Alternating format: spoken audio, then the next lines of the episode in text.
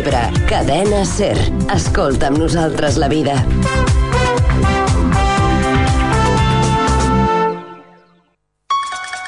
Hem tornat. Després de 30 anys estem novament aquí, amb vostès, amb vosaltres, amb Sèptimus. El programa que us portarà a una nova realitat, a un món que us atraparà. Misteri, fenòmens paranormals, ciències ocultes, expedients X i l'actualitat més recent de la mà de Francisco Román. Tots els diumenges, de una a dues de la tarda, tens una cita a Ràdio Mora d'Ebre, Cadena Ser. A partir d'aquest dia, ja res serà igual. Sèptimus. Escolta'ns. Ho passarem de por.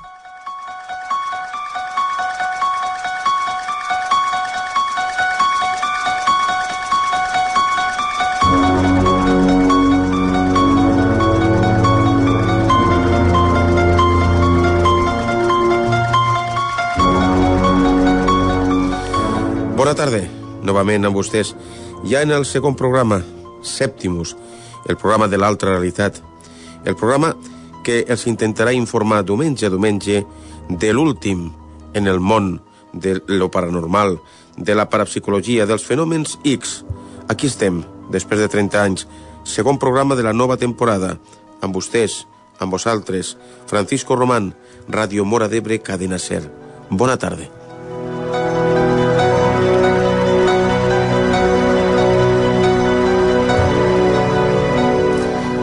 I comencem el nostre programa parlant d'un tema de rabiosa actualitat. El tema relacionat amb el papa que tenim en la Iglesia Católica. Con el creciente revuelo provocado tras la renuncia de Benedicto XVI y a la espera de las decisiones del nuevo pontífice, vuelven a estar de rabiosa actualidad las profecías que señalan que el próximo será el último papa y que los cimientos de la Iglesia se desmoronan. ¿Qué hay de verdad en todo ello? ¿Qué esperan los católicos en un futuro cercano?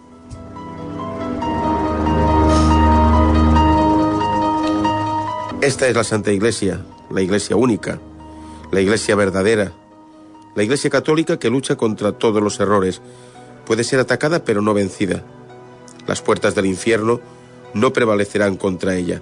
Eso fue lo que dijo San Agustín de Hipona allá por el siglo V, y no le faltaba razón.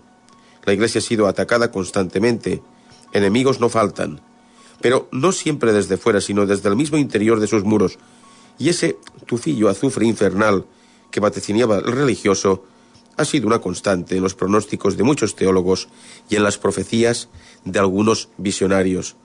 Cada vez que hay cambio en la silla papal, los rumores se desencadenan, las especulaciones se disparan y se echa mano de expertos para saber cuáles serán los siguientes pasos que va a seguir una institución que está considerada la más antigua del mundo, con 1.200 millones de almas detrás, oficialmente bautizadas, aunque ya sabemos que eso no significa que alguien se convierta en católico, apostólico y romano.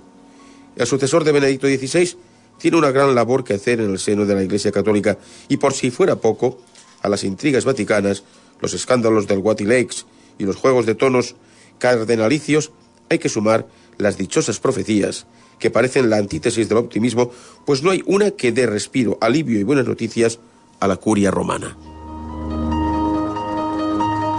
Pero si bien hay muchas profecías que se ceban en el fin de la Iglesia o incluso con la destrucción de Roma, expresadas por papas, santos, beatos, venerables o videntes seglares, pocas son las que mencionan una fecha o un papa concreto que sea el último de la fila. Por supuesto, siempre tenemos el comodín de San Malaquías y su famosa lista, que ahora analizaremos. Muchos siempre recurren al sempiterno Nostradamus, al que atribuyen todo tipo de cuartetas calamitosas, las haya uno escrito. Lo que uno saca como conclusión cuando se analizan las decenas de profecías que existen sobre el fin de la Iglesia es que la cosa acaba muy mal para ella, para el Papa y la humanidad en general. No se sabe cuándo tendrán lugar esos tiempos finales. Eso es lo bueno, pero para que llegue una edad tranquila y dorada, antes hay que pasar por terribles penalidades. Eso es lo malo. ¿Es auténtica la profecía de San Malaquías? Empecemos por la más conocida de todos. ¿Qué puede haber de cierto en la profecía de San Malaquías y por qué sigue siendo tan actual? Son dos preguntas que más de uno se habrá hecho. Lo que hay de cierto, poca cosa. Respecto a la segunda cuestión, la lista de San Malaquías fue la más larga de todas las que circularon en su época. Es decir, que todavía está de actualidad, ya que su artífice puso 112 lemas de papas desde Celestino II y claro, aún no se ha agotado. Precisamente, Benedicto XVI, el lema 111, corresponde a De Gloria Olivae y ahora llega Petrus Romanus, el 112, y último, que no es un lema, sino toda una frase descriptiva, algo insólito en esta profecía. No está de más recordar lo que dice textualmente y que tantas suspicacias y temores ha generado. En la persecución final contra la Santa Iglesia Romana, reinará Pedro Romano, quien pastoreará a su grey en medio de muchas tribulaciones. Después de esto, la ciudad de las siete colinas será destruida y el juez tremendo volverá para juzgar a su pueblo. Fin. Según San Malaquías, este sería realmente el último papa pacífico, porque después llegará Petrus Romanus y con él la caída del Vaticano y la destrucción de Roma, la ciudad de las siete colinas. Que quede claro que a ningún futuro papa en su sano juicio se le ocurriría ponerse como nombre el de Pedro II, salvo a uno de la Iglesia Católica Palmariana. Así que por ahí no van los tiros, aunque hay que tener en cuenta que el camarlengo se llama Tarcisio Pietro Bertone y ha nacido en Romano Canavese.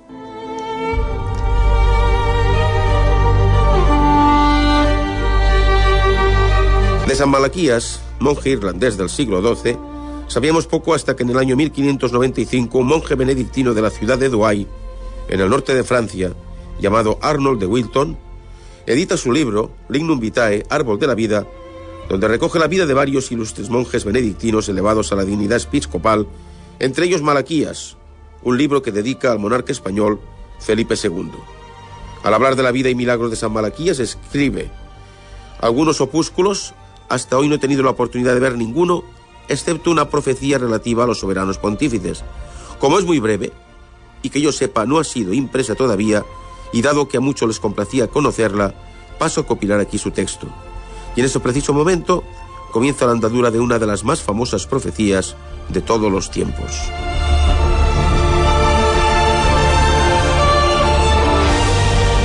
Malaquías muere en 1148 pocas horas después de profetizar su propio fallecimiento, que sería el día de difuntos en la localidad de Clairvaux, Claraval, como así fue.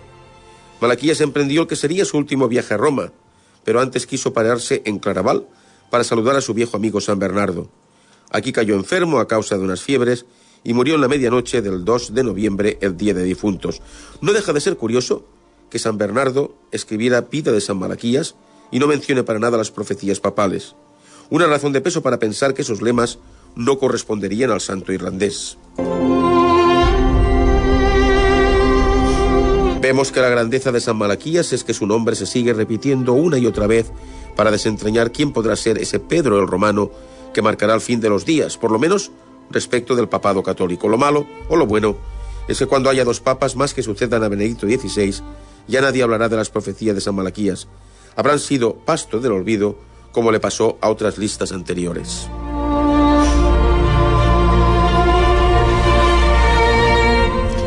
Existen otras muchas profecías sobre el futuro próximo del papado y de la Iglesia Católica, y se podría decir que coinciden con el pontificado de Pedro Romano. Muchas de ellas hacen alusión a hechos ya pasados como el cisma de Oriente y el de Occidente. Otras están por suceder, si es que suceden. Casi todas tienen varios elementos en común una elección confusa de la que surgen un papa legítimo y un antipapa, dos iglesias enfrentadas, un papa obligado a salir de Roma, malherido y en circunstancias bastante penosas, y un gran cisma para la iglesia, resultado de esa crisis interna con anticristo, antipapa y aires sectarios y satánicos de por medio.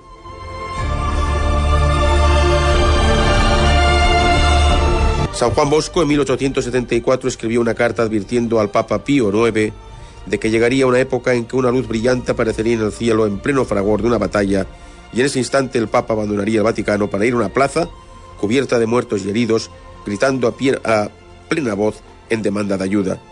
No solo en Roma, sino también en todo el país se registrará una gran pérdida de población y la tierra se agitará como arrasada por un huracán y caerá un fuerte pedrisco.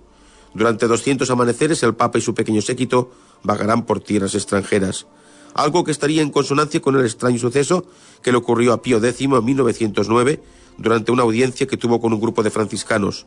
De súbito, se reclinó en su asiento, cerró los ojos, entró en trance y exclamó, He tenido una visión terrible.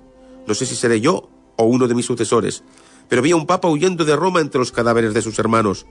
Él se refugiará de incógnito en alguna parte y después de breve tiempo morirá de una muerte cruel.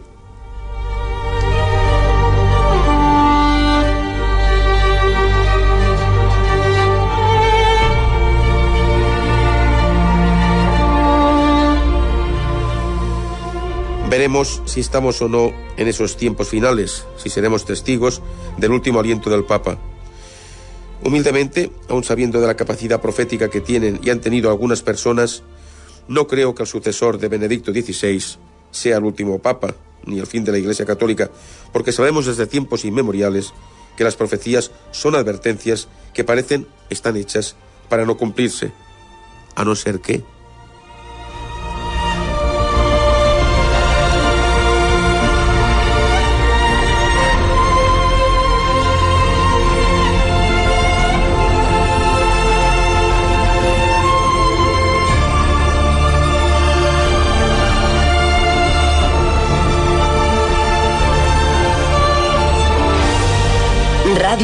d'Ebre, cadena SER.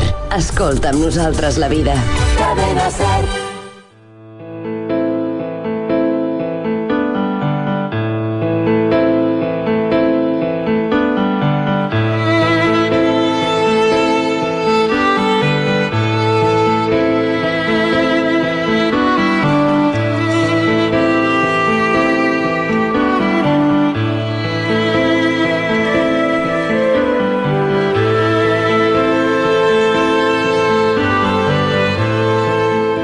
El nostre programa també, tem, també té temps per parlar de la medicina alternativa. I avui els voldrem explicar algunes característiques d'algunes de les eh, fruites més importants que nosaltres, els, les persones, podem utilitzar per la nostra dieta o pel nostre menjar de cada dia.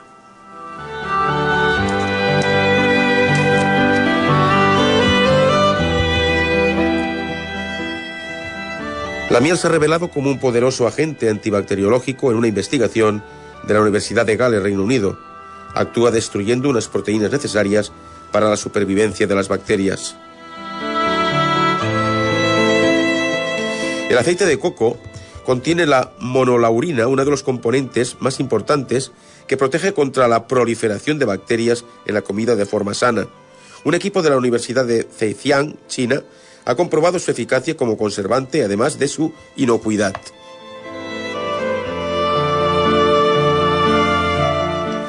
El té verde tiene una característica muy importante. Un equipo de la Universidad de Hong Kong, China, ha confirmado que además de las conocidas propiedades preventivas contra el cáncer y las dolencias cardiovasculares, el té verde protege los huesos, lo cual le convierte en un aliado contra la osteoporosis.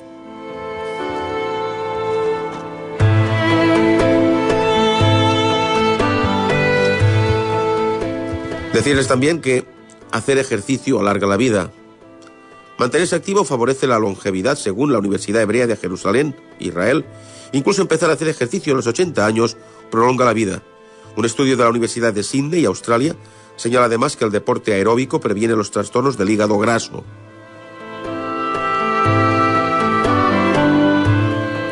Una investigación de la Universidad de California en Los Ángeles, Estados Unidos, recomienda el tai chi como tratamiento contra el insomnio moderado en los mayores de 60 años. Según sus autores, la práctica de este arte milenario mejora no solo la duración, sino también la calidad del sueño.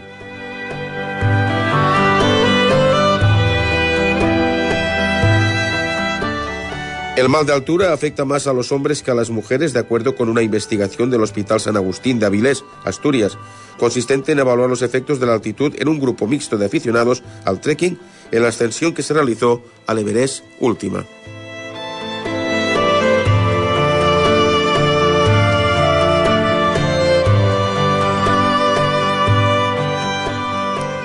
Los recuerdos permanecen en nuestra memoria aunque no nos vengan a la cabeza. Así lo demuestra un trabajo de un equipo conjunto de neurocientíficos del campus en Irvine de la Universidad de California y de la Universidad de Princeton en Estados Unidos. Para llegar a esta conclusión, los investigadores escanearon el cerebro de un grupo de voluntarios jóvenes con la técnica de resonancia magnética funcional, mientras veían un objeto, lo nombraban e imaginaban diversas situaciones relacionadas con él. Posteriormente lo repitieron mientras se les enseñaba cada palabra y se les pedía que recordaran todos los detalles vinculados a la misma, incluyendo lo que se les había pedido. Aunque no vinieran a su memoria, se activaban igualmente las áreas cerebrales asociadas a cada uno de ellos. Para uno de los responsables del proyecto, Jeff Johnson, entender cómo funciona este proceso en jóvenes saludables puede ser útil para tratar casos en los que los olvidos son más evidentes, como sucede cuando se envejece o en situaciones de amnesia tras haber sufrido un trauma.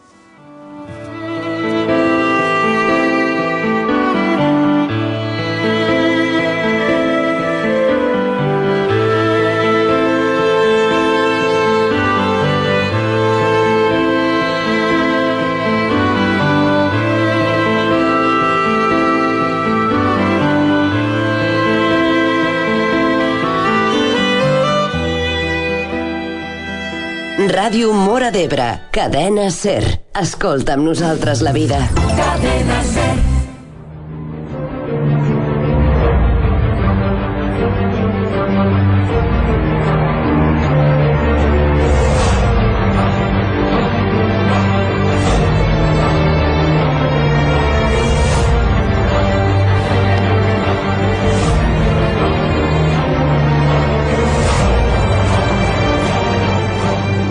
Bé, ara escoltaran atentament l'article, la notícia, el relat que ara portarem a terme en el nostre programa. És escenari una població que està al costat nostre, d'aquí de Mora d'Ebre, una població de la Ribera, la població de Tivissa. Tivissa és una porta a altra dimensió? Anem a comprovar-ho.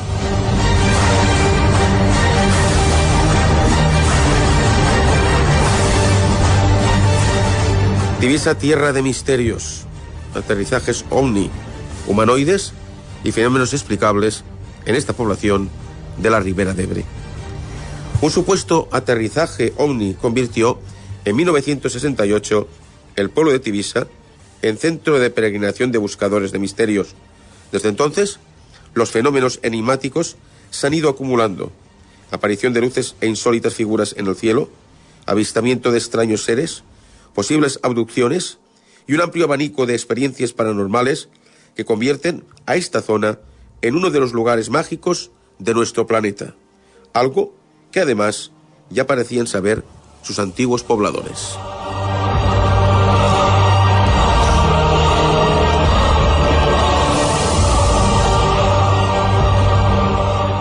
Todo comenzó el 27 de agosto de 1968 cuando el diario barcelonés del Express, ya desaparecido, publicó una extraña misiva firmada por un tal Sebastián Mateu de Darmós, en el término de Tibisa. En ella explicaba el extraño encuentro que tuvo su cuñado Juan, que vivía en Serra de Almos, en el mismo término municipal y a unos siete kilómetros del núcleo urbano el 16 de ese mismo mes. Al parecer, a las seis de la mañana de aquella jornada, Joan se dirigía a su huerto cuando observó algo que describió como media sandía con la parte redonda por arriba que estaba suspendida a un metro del suelo y que desprendía un resplandor terrible. También vio como a unos cien metros corrían unas cosas, como grandes pulpos, pues tenían cuatro o cinco patas, altos, de un metro y de color muy claro. Fue una visión tan repugnante que cayó al suelo desmayado, aunque alcanzó a atisbar cómo los seres se metían debajo de aquella media sandía.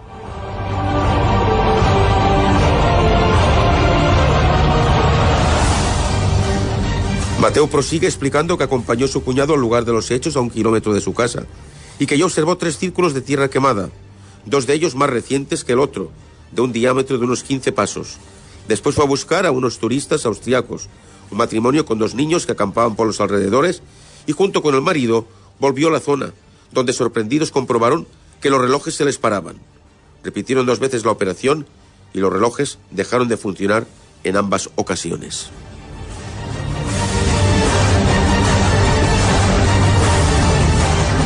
Los turistas abandonaron el lugar, pues decían tener miedo, lo mismo que el cuñado del firmante de la carta, que por la noche atrancaba puertas y ventanas. La publicación de esta rocambolesca historia movilizó a los investigadores OVNI, periodistas de distintos medios y en general a los aficionados por los temas extraterrestres. Publicaciones como Horizonte, que dirigió Antonio Rivera, o la revista Algo, bajo la batuta de José María Armengou, se ocupaban en esa época de los asuntos de misterio. Fueron muchos los que se desplazaron al pueblo y comenzaron la búsqueda del testigo y de la zona del presunto aterrizaje, pero los resultados fueron decepcionantes. Nadie consiguió localizar a Sebastián Mateo, nadie en el pueblo lo conocía, ni sabía nada del suceso, y además, desde la zona donde la carta decía que se había producido el avistamiento, no era posible ver el mar, tal como se indicaba en la misma. Una simple broma.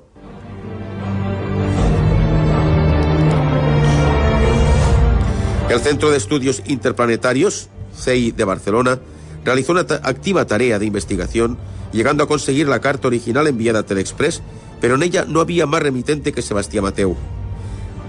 Además, el CEI publicó en el mismo diario un llamamiento para contactar con el elusivo Sebastián Mateu, quien para sorpresa de muchos respondió, pero en su carta no aportaba datos comprobables sobre su identidad, limitándose a insistir en la verdad de su, de su versión. Con posterioridad, ese misterioso testigo envió al menos otras dos cartas al CEI. En una de ellas adjuntaba una postal que le había sido enviada desde la localidad checoslovaca de Prerov por un tal V. Abzik, en la que le comunicaba, te enviaré las películas de los ovnis, las muestro a nuestro gobierno ahora. ¿Se refería a las fotos de las huellas del aterrizaje? ¿Estaba interesado el gobierno checo en el asunto? ¿O era el de Austria? ¿Era el remitente el misterioso campista?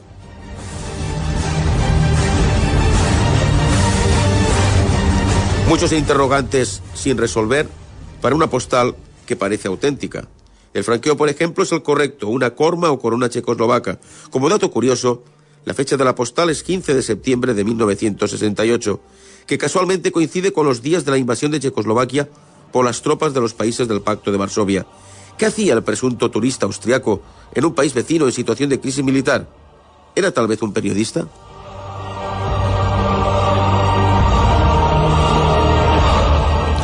Pese a esta correspondencia quedaron muchas dudas sobre el misterioso Sebastián Mateu. Todas sus cartas, incluida la primera que se publicó en el Telexpress, habían sido enviadas desde Barcelona. Desgraciadamente, todos los originales que se guardaban en el archivo del CI fueron robados entre la Navidad de 1972 y el Día de Reyes de 1973. ¿Qué pretendía ocultar el ladrón?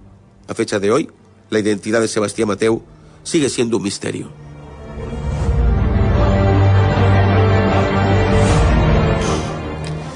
Casi 36 años después de la publicación de esa carta, quedan interrogantes sin resolver, pero también se pueden extraer algunas conclusiones.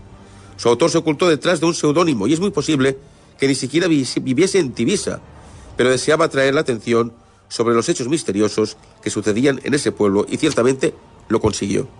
En su carta hay una serie de detalles que ofrecen pistas sobre la auténtica localización de la zona donde ocurrió el presunto aterrizaje ovni. Aunque habla de Serra de Almos, unos siete kilómetros al norte del núcleo habitado de Tibisa, menciona que desde la zona se puede ver el mar y habla de que toda la conca se está despoblando. Este enclave está unos cinco o seis kilómetros al sur de Tibisa, en dirección contraria, por lo tanto, a Serra de Almos. Esta pista fue entendida por algunos investigadores que dirigieron con presteza sus pesquisas hacia esas tierras. Pero quien seguramente llegó más lejos en la búsqueda del lugar donde ocurrieron los hechos fue el biólogo y antiguo directivo del CI, Vicente Pérez, que en unas declaraciones a la revista Más Allá relata los acontecimientos que le llevaron a lo que él está convencido que fue el lugar del aterrizaje original de 1968.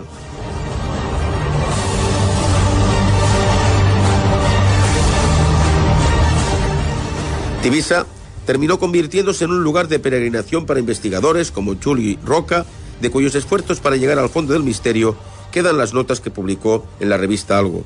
Montañola acabó instalándose en el pueblo y en esa zona vivió dos insólitas experiencias. Según relató el autor de ese artículo a finales de 1979, poco antes de fallecer, en cierta ocasión se encontraba solo en su coche, que estaba aparcado, cuando se vio envuelto en una espesa niebla. Lo siguiente que recordaba es que se despertó y la niebla había desaparecido, pero sus botas estaban manchadas con un barro de color rojizo inexistente en la zona donde se encontraba. Su otra experiencia está relacionada con una cueva en la que experimentó una insólita situación. Hay quienes dicen que en ella encontró una puerta dimensional y quienes aseguran que allí levitó durante unos instantes. Su esposa también fue testigo de una faceta del misterio en la zona, pues nos relató que junto a otras mujeres que se encontraban en el camino que conduce del pueblo a la ermita de San Blay, pudo ver un aparato metálico aparentemente posado sobre un árbol. Era de un tamaño similar al de un coche 600 y tenía un notable brillo. Después, el objeto se elevó y se marchó volando.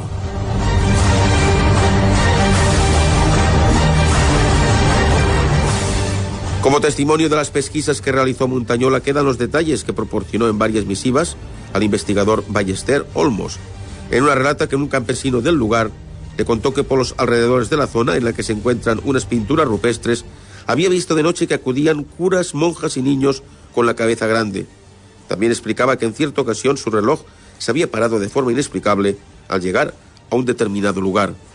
La aparición de extrañas alteraciones magnéticas también podría ser la causa del incidente protagonizado por una avioneta Piper que tuvo que realizar un aterrizaje de emergencia en el pueblo de Ginestá después de que, al sobrevolar la conca, se quedase sin corriente eléctrica. El accidente tuvo lugar en el verano de 1969.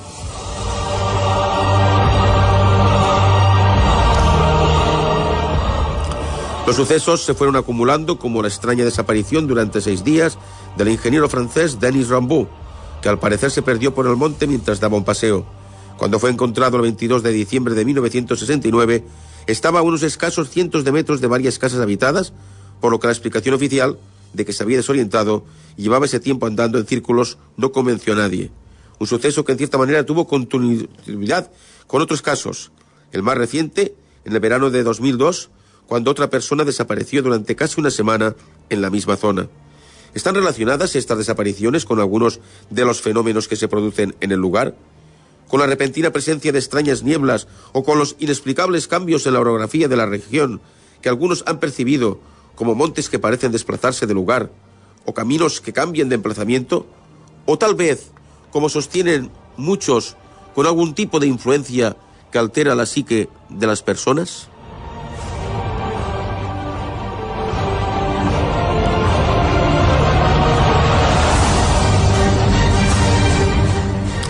Esta última posibilidad ya fue denunciada por algunos investigadores, como Montañola, quien alertó en diversas ocasiones del peligro que podía acechar a los visitantes del lugar, sobre todo en lo relativo a su estabilidad psíquica.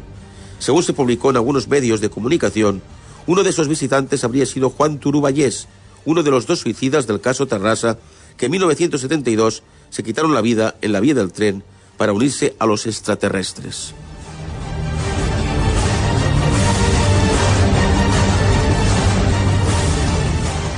Un nexo entre la tragedia y Tibisa que se volvería a repetir cuando otra pareja de suicidas, Juan José Gómez Vargas y Francisco Saureu Prim, investigaron el lugar antes de quitarse la vida el 2 de abril de 1978, también para unirse a los seres de otros planetas. ¿Hay algo en Tibisa capaz de alterar el comportamiento de las personas?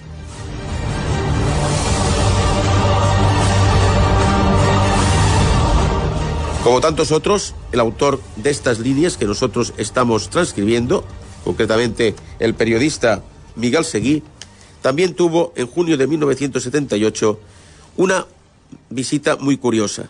Visitó el lugar, visitó Tibisa, por primera vez en compañía de varios amigos.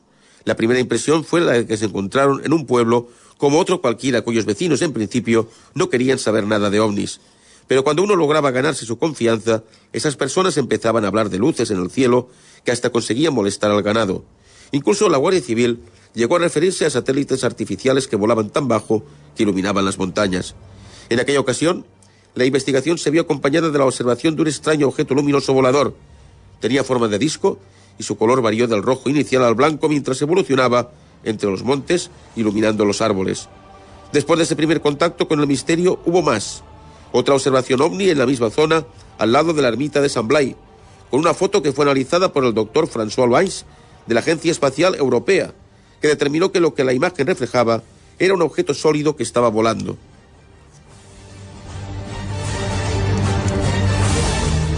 En los años siguientes se unieron otras observaciones de extrañas luces en el cielo y también en tierra formando un triángulo, así como la aparición durante horas de unas insólitas líneas negras en el cielo.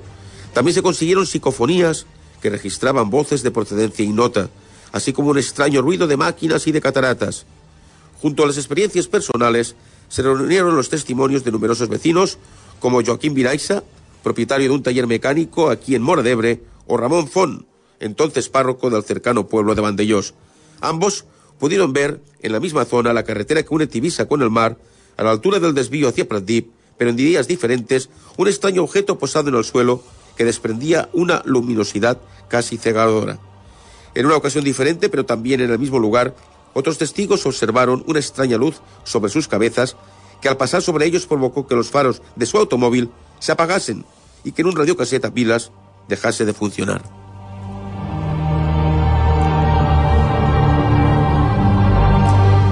Es posible que algunas de las pistas para entender la colección de hechos insólitos que ocurren en Tibisa se encuentren en los restos del pasado.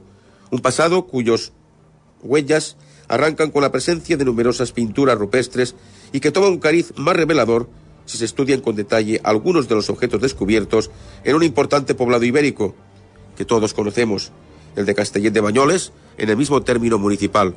Entre estos objetos, el llamado Tesoro de Tibisa, que está expuesto en el Museo Arqueológico de Barcelona, destaca una patena, un objeto circular de plata sobredorada que lleva soldado en el centro una cabeza de lobo. Esta pieza, considerada como el único testimonio de peso sobre la religión de los íberos, muestra grabada tres escenas. En una aparece una divinidad infernal que ofrece un símbolo de la inmortalidad de un personaje. En otra, tres demonios o genios alados sacrificando un animal a los dioses, mientras que en la tercera hay un jinete con lanza y escudo galopando hacia un jabalí, algo que según los arqueólogos tiene un carácter funerario.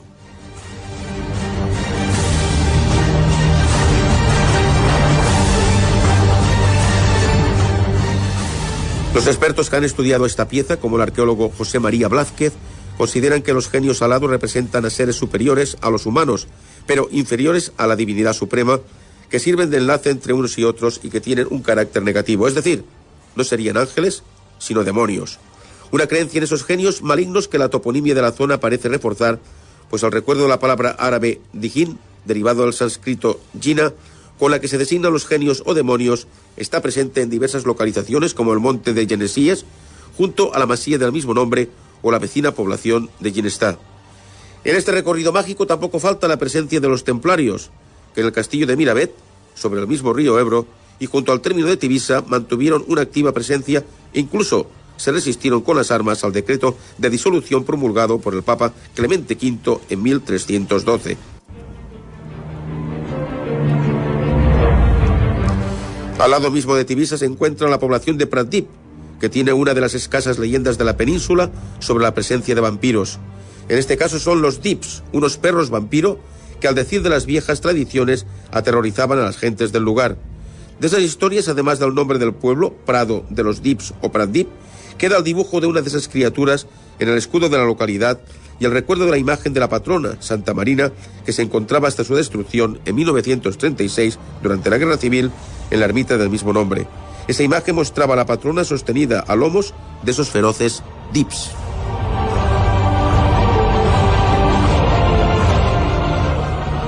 Ese recorrido por la historia nos lleva a unas fechas más recientes, octubre de 1945, cuando una serie de terremotos que comenzaron el día 3 destruyeron buena parte del pueblo.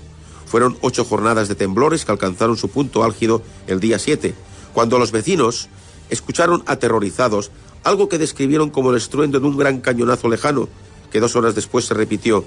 El epicentro de los seísmos se situó en los llamados bosques de Manou, en el mismo término de Tibisa, donde quedaron como huellas unas grandes aberturas, la mayor de 70 por 40 metros, con un agujero en el centro que, según dijeron los testigos, tenía una profundidad insondable. Por todo el lugar quedaron esparcidas numerosas piedras negras que despedían un fuerte olor a azufre. Además se creó una abertura entre las montañas de Melica y Miloca. Estos nombres de nuevo recuerdan a otro ser infernal, el ángel coránico Malik, lo que vuelve a indicar que la toponimia se ha ido guardando a través del tiempo el recuerdo de la presencia de unos seres sobrehumanos en la zona, unos ángeles malignos en aquel tiempo que ahora algunos llaman extraterrestres. De Tibisa se han dicho muchas cosas. Es un buen ejemplo de moderna leyenda, aunque en este caso campestre. Alguien ha querido ver alguna pista del grial entre sus pedregosos montes. Otros han hablado de conspiraciones extrañas con hombres de negro.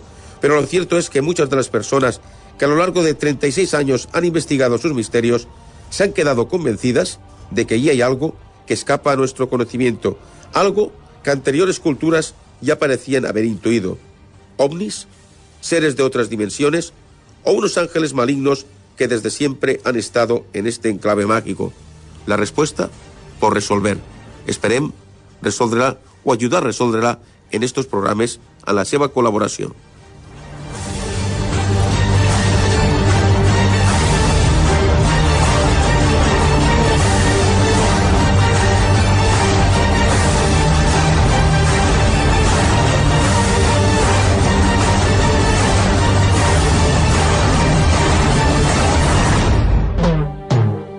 Ràdio Mora d'Ebre, cadena SER. Escolta amb nosaltres la vida. Cadena SER.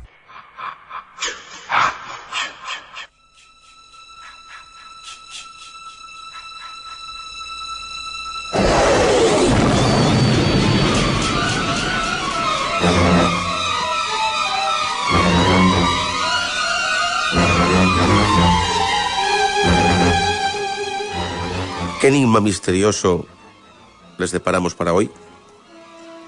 Antonio Portillo, con 30 años de servicio como Policía Nacional, patrullaba junto a su compañero por las calles malagueñas de Fuengirola.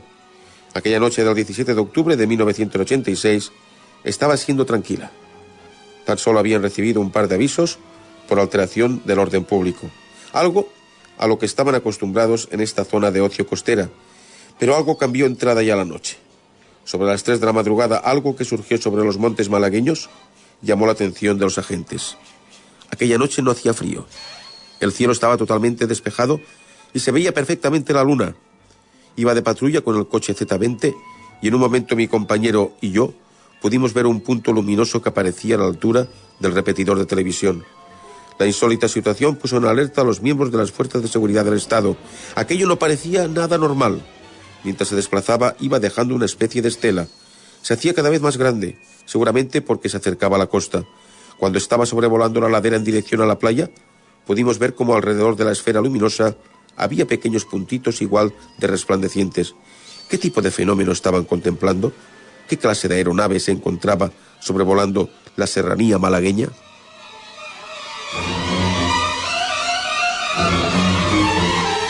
Aquel lucero motivó la llamada de los funcionarios a la comisaría de Mijas para intentar desvelar qué estaba ocurriendo, pero todos los intentos por contactar con la base policial fueron infructuosos.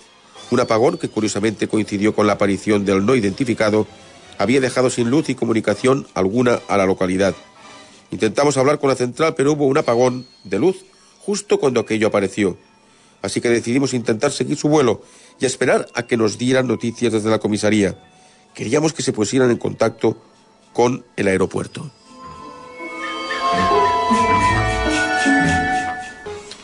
Los policías emprendieron el seguimiento del ovni por las carreteras de la costa malagueña. El lucero parecía dirigirse a la ciudad. Concretamente se desplazaba hasta el puerto deportivo Benalmádena. Allí, un grupo de pescadores quedaron aterrados. Una bola de luz apareció en el firmamento y se dirigía hacia donde se encontraban. Cada vez estaba más cerca. Aquella luminaria crecía en tamaño. Presas del pánico, abandonaron cañas, boyas, cebos y anzuelo. Todos los bártulos de pesca quedaron desperdigados entre la arena mientras emprendían carrera al muelle. Los gritos de aquellos hombres alertaron también al guardajurado que realizaba su jornada de vigilancia entre los veleros y yates del puerto. Todos ellos fueron testigos del paso de aquella masa incandescente, rodeada por un carrusel de luces, mientras huían despavoridos para intentar refugiarse en uno de los muros cercanos. Minutos más tarde, aquel artefacto luminoso desapareció en segundos. Como si se hubiera evaporado en el aire, aquella situación dejó claro a los policías que habían sido testigos de algo sin explicación para la lógica, aquello que parecía no ser de este mundo. Los agentes de la ley redactaron el correspondiente informe que rubricaron bajo el márchamo de confidencial y ordenaron el silencio para la inicial investigación oficial. Cuando llegamos a la central hicimos el correspondiente informe con el testimonio de los testigos y un croquis mostrando cómo había ocurrido todo. Hasta donde te puedo contar, sé que clasificó como materia reservada para su posterior estudio y tuve que declarar ante mis superiores, explica Antonio Portillo. Cientos de personas desde diferentes puntos de la Costa del Sol saturaron la centralita de las comisarías de policía. La noticia fue difundida a los pocos días por varios medios de comunicación. detectan un extraño fenómeno luminoso en diversos lugares de la Costa del Sol, un ovni avistado sobre la costa malagueña. Han pasado 20 años desde aquel encuentro con el misterio y tras la reinvestigación del caso hemos podido rescatar documentos e informaciones que reabren el mismo. Agustín López Arcos, el que fuera responsable de la torre de control del aeropuerto de Málaga, nos confirmó que aquella madrugada ocurrió algo fuera de lo normal en nuestro espacio aéreo español. ¿Qué clase de meteorito demuestra inteligencia durante su vuelo? ¿Qué tipo de objeto y con qué tecnología es capaz de desaparecer en el firmamento en segundos en dirección opuesta a la que llevaba y ante la mirada de decenas de testigos en diferentes puntos? ¿Dónde están los partes de vuelo con las incidencias de aquella madrugada rubricados por los pilotos que se toparon en el cielo con aquella bola de fuego? Una incógnita, un expediente X, un enigma por resolver.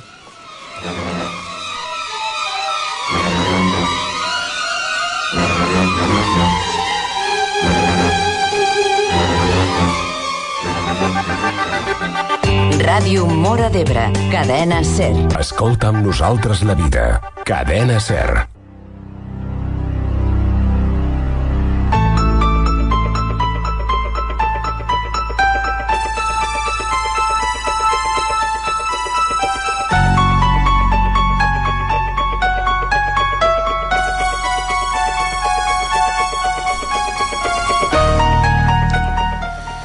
I arribem, amics, amigues, senyors, al nostre apartat de llibres, llibres recomanats, llibres d'actualitat, de rabiosa actualitat.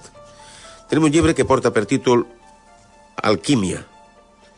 Alquimia, esa palabra que se nos muestra oscura, desconocida, enigmática, aunque a la vez tentadora y fascinante. Pocos han enfrentado a ella. Enamoró a personajes ilustres de la historia, Newton, Goethe, Cirano de Bergerac. Por citar solo algunos, fueron grandes apasionados de esta ciencia y arte. Luis Silva, alquimista de vocación desde hace muchos años, introduce al lector, mediante una terminología sencilla e imágenes sugerentes, en este mundo sorprendente, en esta obra que ha sido galardonada con el segundo premio Juan Antonio Cebrián de Divulgación Histórica. El autor nos ofrece unas bases fundamentales para comprender la gran obra, penetra profundamente en su filosofía y presenta una parte de la clásica imaginería alquímica y sus claves, y sustenta sus conclusiones con trabajos propios de laboratorio debidamente fotografiados.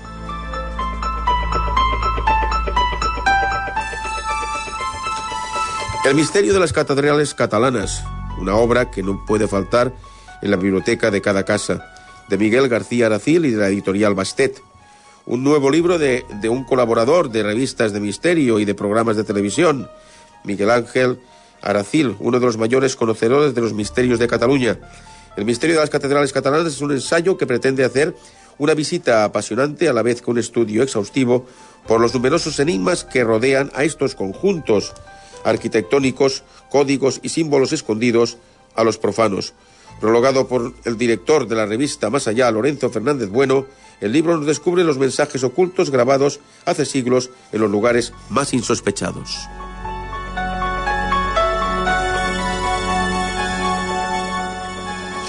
Y por último, la obra Berserk. Es una obra de terror ¿eh? Eh, que trata o que explica lo que escucharán ahora ustedes. Allí tenía monstruos. Eso fue lo que Tom escuchó sin querer en el bar esa noche. Y oyó más cosas que podrían llevarlo al fin a averiguar la verdad sobre la muerte de su hijo diez años antes. Un desgraciado accidente durante unas maniobras le había comunicado al ejército, pero entonces, ¿por qué estaba sellado el ataúd en el que lo enviaron a casa? Así que una noche oscura en un campo desolado, Tom empieza a excavar la fosa común, donde espera y teme encontrar los restos de su hijo. Lo que descubre en su lugar es un horror aún mayor. Cadáveres encadenados, descompuestos, decapitados, mutilados, y una niña aparentemente muerta que sin embargo le promete a Tom ayudarlo a encontrar lo que está buscando si la libera. Una nueva obra del ganador de los premios August Derlet, Bram Stoker y British Fantasy, Tim Levon, en la editorial La Factoría de Ideas.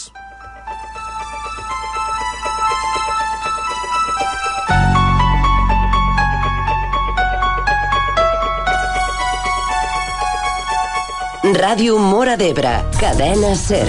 Escolta amb nosaltres la vida. Cadena SER.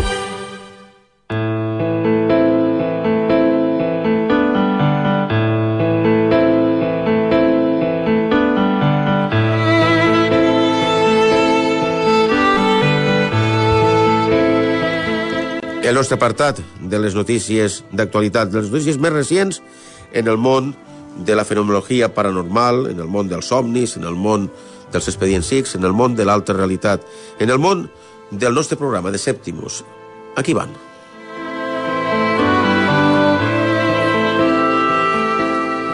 En España actúan 164 sectas demoníacas.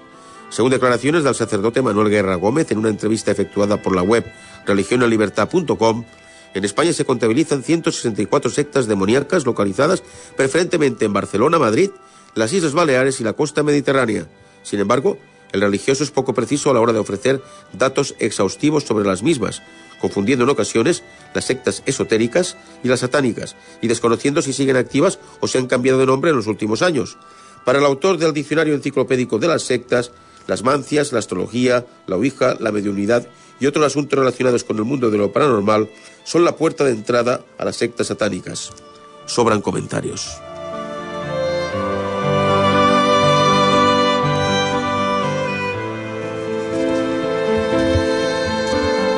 Un trabajador y un granjero de Borneo fueron atacados por un animal desconocido, según ha publicado la prensa local.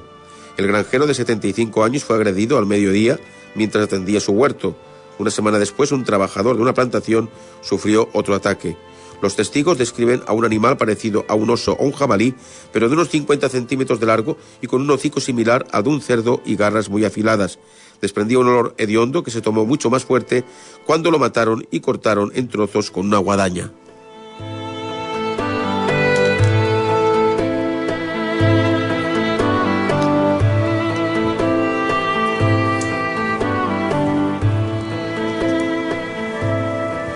Una bola de luz que emitía diferentes tonalidades de colores con predominio del verde fue captada por la cámara el pasado 10 de noviembre en el cielo de Sarawak, en la isla de Borneo. El objeto permaneció inamovible mientras un avión comercial con las típicas luces parpadeantes pasó cerca de él. Poco después desapareció.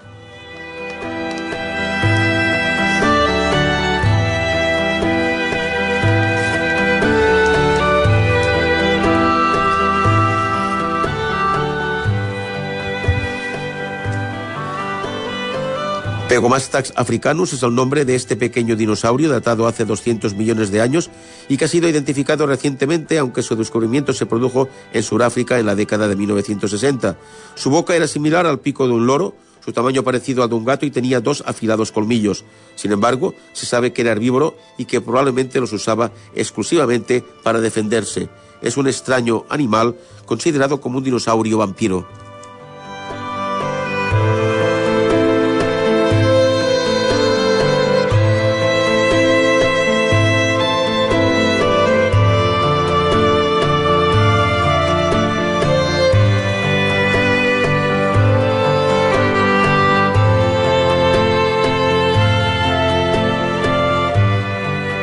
Ràdio Mora d'Ebre, cadena SER.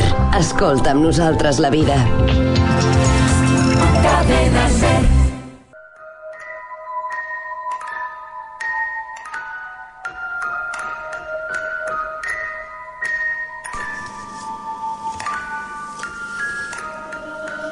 Bé, estem arribant al final del nostre programa.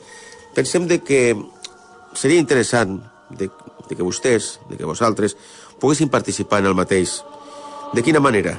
Es podrien enviar les seves experiències dins del paràmetre que vostès considerin, dintre dels fenòmens paranormals, de tota la gamma, dintre de lo que seria les experiències amb avistaments ovnis, o bé qualsevol experiència o qualsevol exercici psíquic, psicològic, que sigui fora de lo normal, llavors seria interessant de que vostès es poguessin transmetre aquesta, aquesta experiència, aquest eh, fet que els ha passat de dues maneres possibles. O bé trucant per telèfon, aquí a Ràdio Mora d'Ebre, cadena SER, al número que nosaltres els indicarem, o bé també eh, mitjançant correu electrònic, el, el meu correu electrònic, si volen prendre nota, és froman4 arroba istec.cat la repeteixo, froman4 arroba xtec.cat Llavors, nosaltres, gustosament, aquestes experiències, aquestes, aquests casos que vostès han sigut protagonistes, els posarem aquí en antena, els relatarem, i si no, si ho tenen més fàcil, és a dir, trucar per telèfon al, al 977 40 28 18, repetim, 977 40 28 18, 18, que és el telèfon de Ràdio Mora d'Ebre, cadena SER, gustosament vostès podran entrar en antena i donar-los eh, d'aquesta manera l'oportunitat de que puguin explicar el seu cas. Un altre telèfon, també de Ràdio Mora d'Ebre Cadena Ser, el 977 40 28 31. Per tant, dos telèfons, 977 40 28 18, 40 28 31 i un correu electrònic. D'aquesta manera, repetim, és molt important, és molt interessant que vostès ens puguin transmetre les seves experiències. Seria molt interessant. I bé, parlem també ara de lo que serà la segona alerta OVNI aquí a les Terres de l'Ebre. Eh? bueno, concretament, a la Ribera d'Ebre és la segona, a les Terres de l'Ebre suposo, o suposem que és la primera. Eh, els hi puc ja informar que serà el dia del solstici d'estiu, el divendres eh, 22 de juny, 22 de juny, eh, el lloc està per determinar si és eh, Mora la Nova, Mora d'Ebre, està per determinar, i llavors nosaltres ja els informarem més detingudament de tot el, tot el que seria pues, la, la informació més acurada, més detallada en els diversos programes que tindrem. Eh, per tant, repetim, el dia que serà aquesta alerta OVNI, objectiu OVNI, serà el divendres, el divendres 21, 21 de juny, el dia del solstici d'estiu. Eh?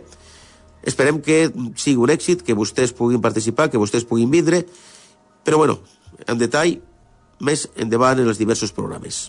Ràdio Mora d'Ebre, cadena SER. Escolta amb nosaltres la vida. Cadena SER. ¿Estás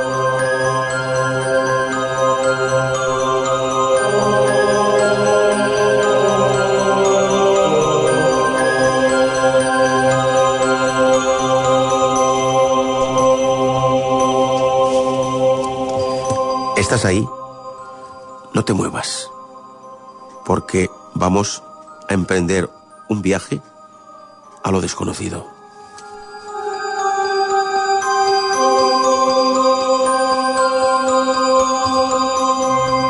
Sujétate bien. Vas a coger el coche y vamos a viajar juntos por una carretera estrecha, angosta y peligrosa con curvas.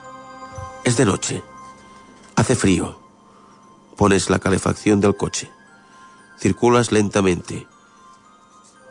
El tiempo te impide ir más deprisa y lo peligroso de la carretera también. La niebla, poco a poco, se hace cada vez más espesa.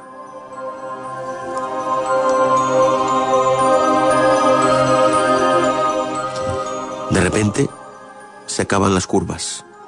Entras en un periodo en que la carretera es más llana y es más recta, pero la niebla persiste. Pones la radio. Al unísono, la radio deja de sonar.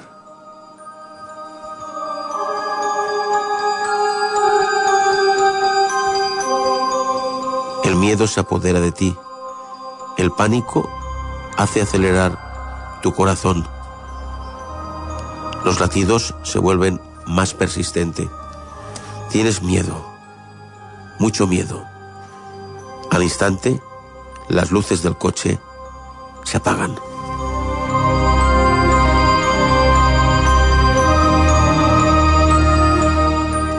Notas que la oscuridad es tremenda. Sacas la pila, tu linterna, de la guantera del coche.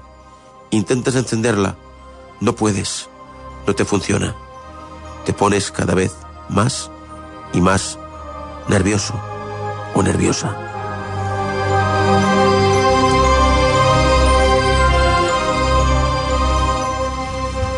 La niebla sigue siendo persistente.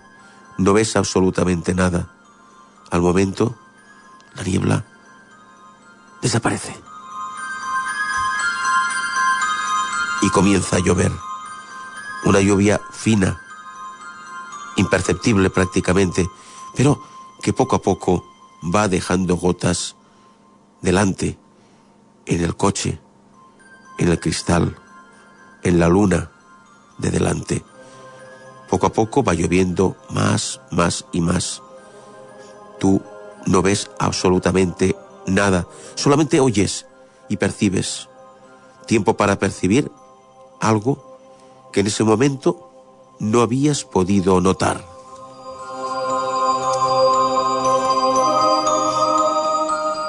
Notas una presencia extraña.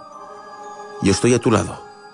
Tienes a alguien a tu lado que te intenta dar ánimos, pero el miedo petrifica a las personas que están o que estamos en el interior del coche, de ese coche que está parado en medio de la nada, en una carretera solitaria, sin nada, nadie que parece que nos tenga que hacer nada, pero el miedo sigue patente y seguirá porque algo puede ocurrir.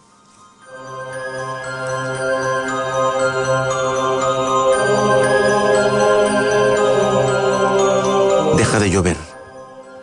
Ha parado de llover y al fondo parece una luz que nos quiera decir de que vayamos hacia ella. Dejándonos el pánico y el miedo a un lado, abrimos la puerta y bajamos del coche. Hace frío, mucho frío, pero haciéndonos un poco el valiente, comenzamos a caminar. La noche se ha quedado despejada. Se ven las estrellas, se ve la luna.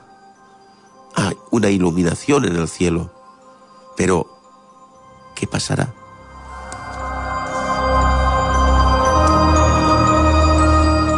Nos dirigimos hacia la luz, caminamos lentamente. Entramos en un pequeño bosque. El camino se hace más estrecho. La luz la vemos más cerca. Estamos intentando llegar. El bosque parece tener vida. La luz no. Se va apagando. Y aquella sensación que teníamos de que íbamos llegando se está diluyendo porque algo nos dice de que va mal. ¿Qué pasa? ¿Por qué? No nos dejemos amedrantar, no nos dejemos aterrorizar por ese miedo, ese pánico que tenemos a nuestro alrededor. De repente, algo percibimos. ¿Por qué? No hace viento, pero se están moviendo las ramas de los árboles algo viene hacia nosotros. No nos movamos. Puede ser el fin. Suspiremos abiertamente. Intentemos respirar y dar rienda suelta a lo que tenemos dentro porque el peligro acecha. Pero lo superaremos. Seguro que sí. Algo detrás nuestro una respiración insidiosa, se va acercando. No nos demos la vuelta, porque puede ser peor.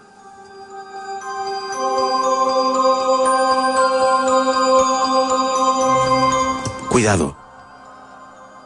No te muevas. Ahí está. ¿Te has dado cuenta de que todo ha sido un sueño?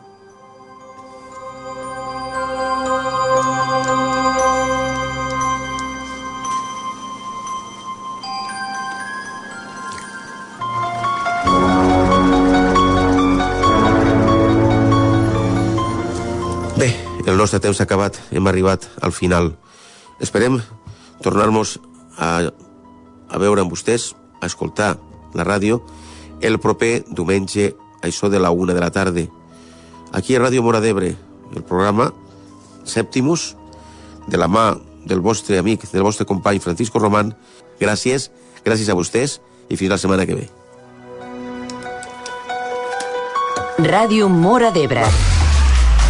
Cadena 87.6 F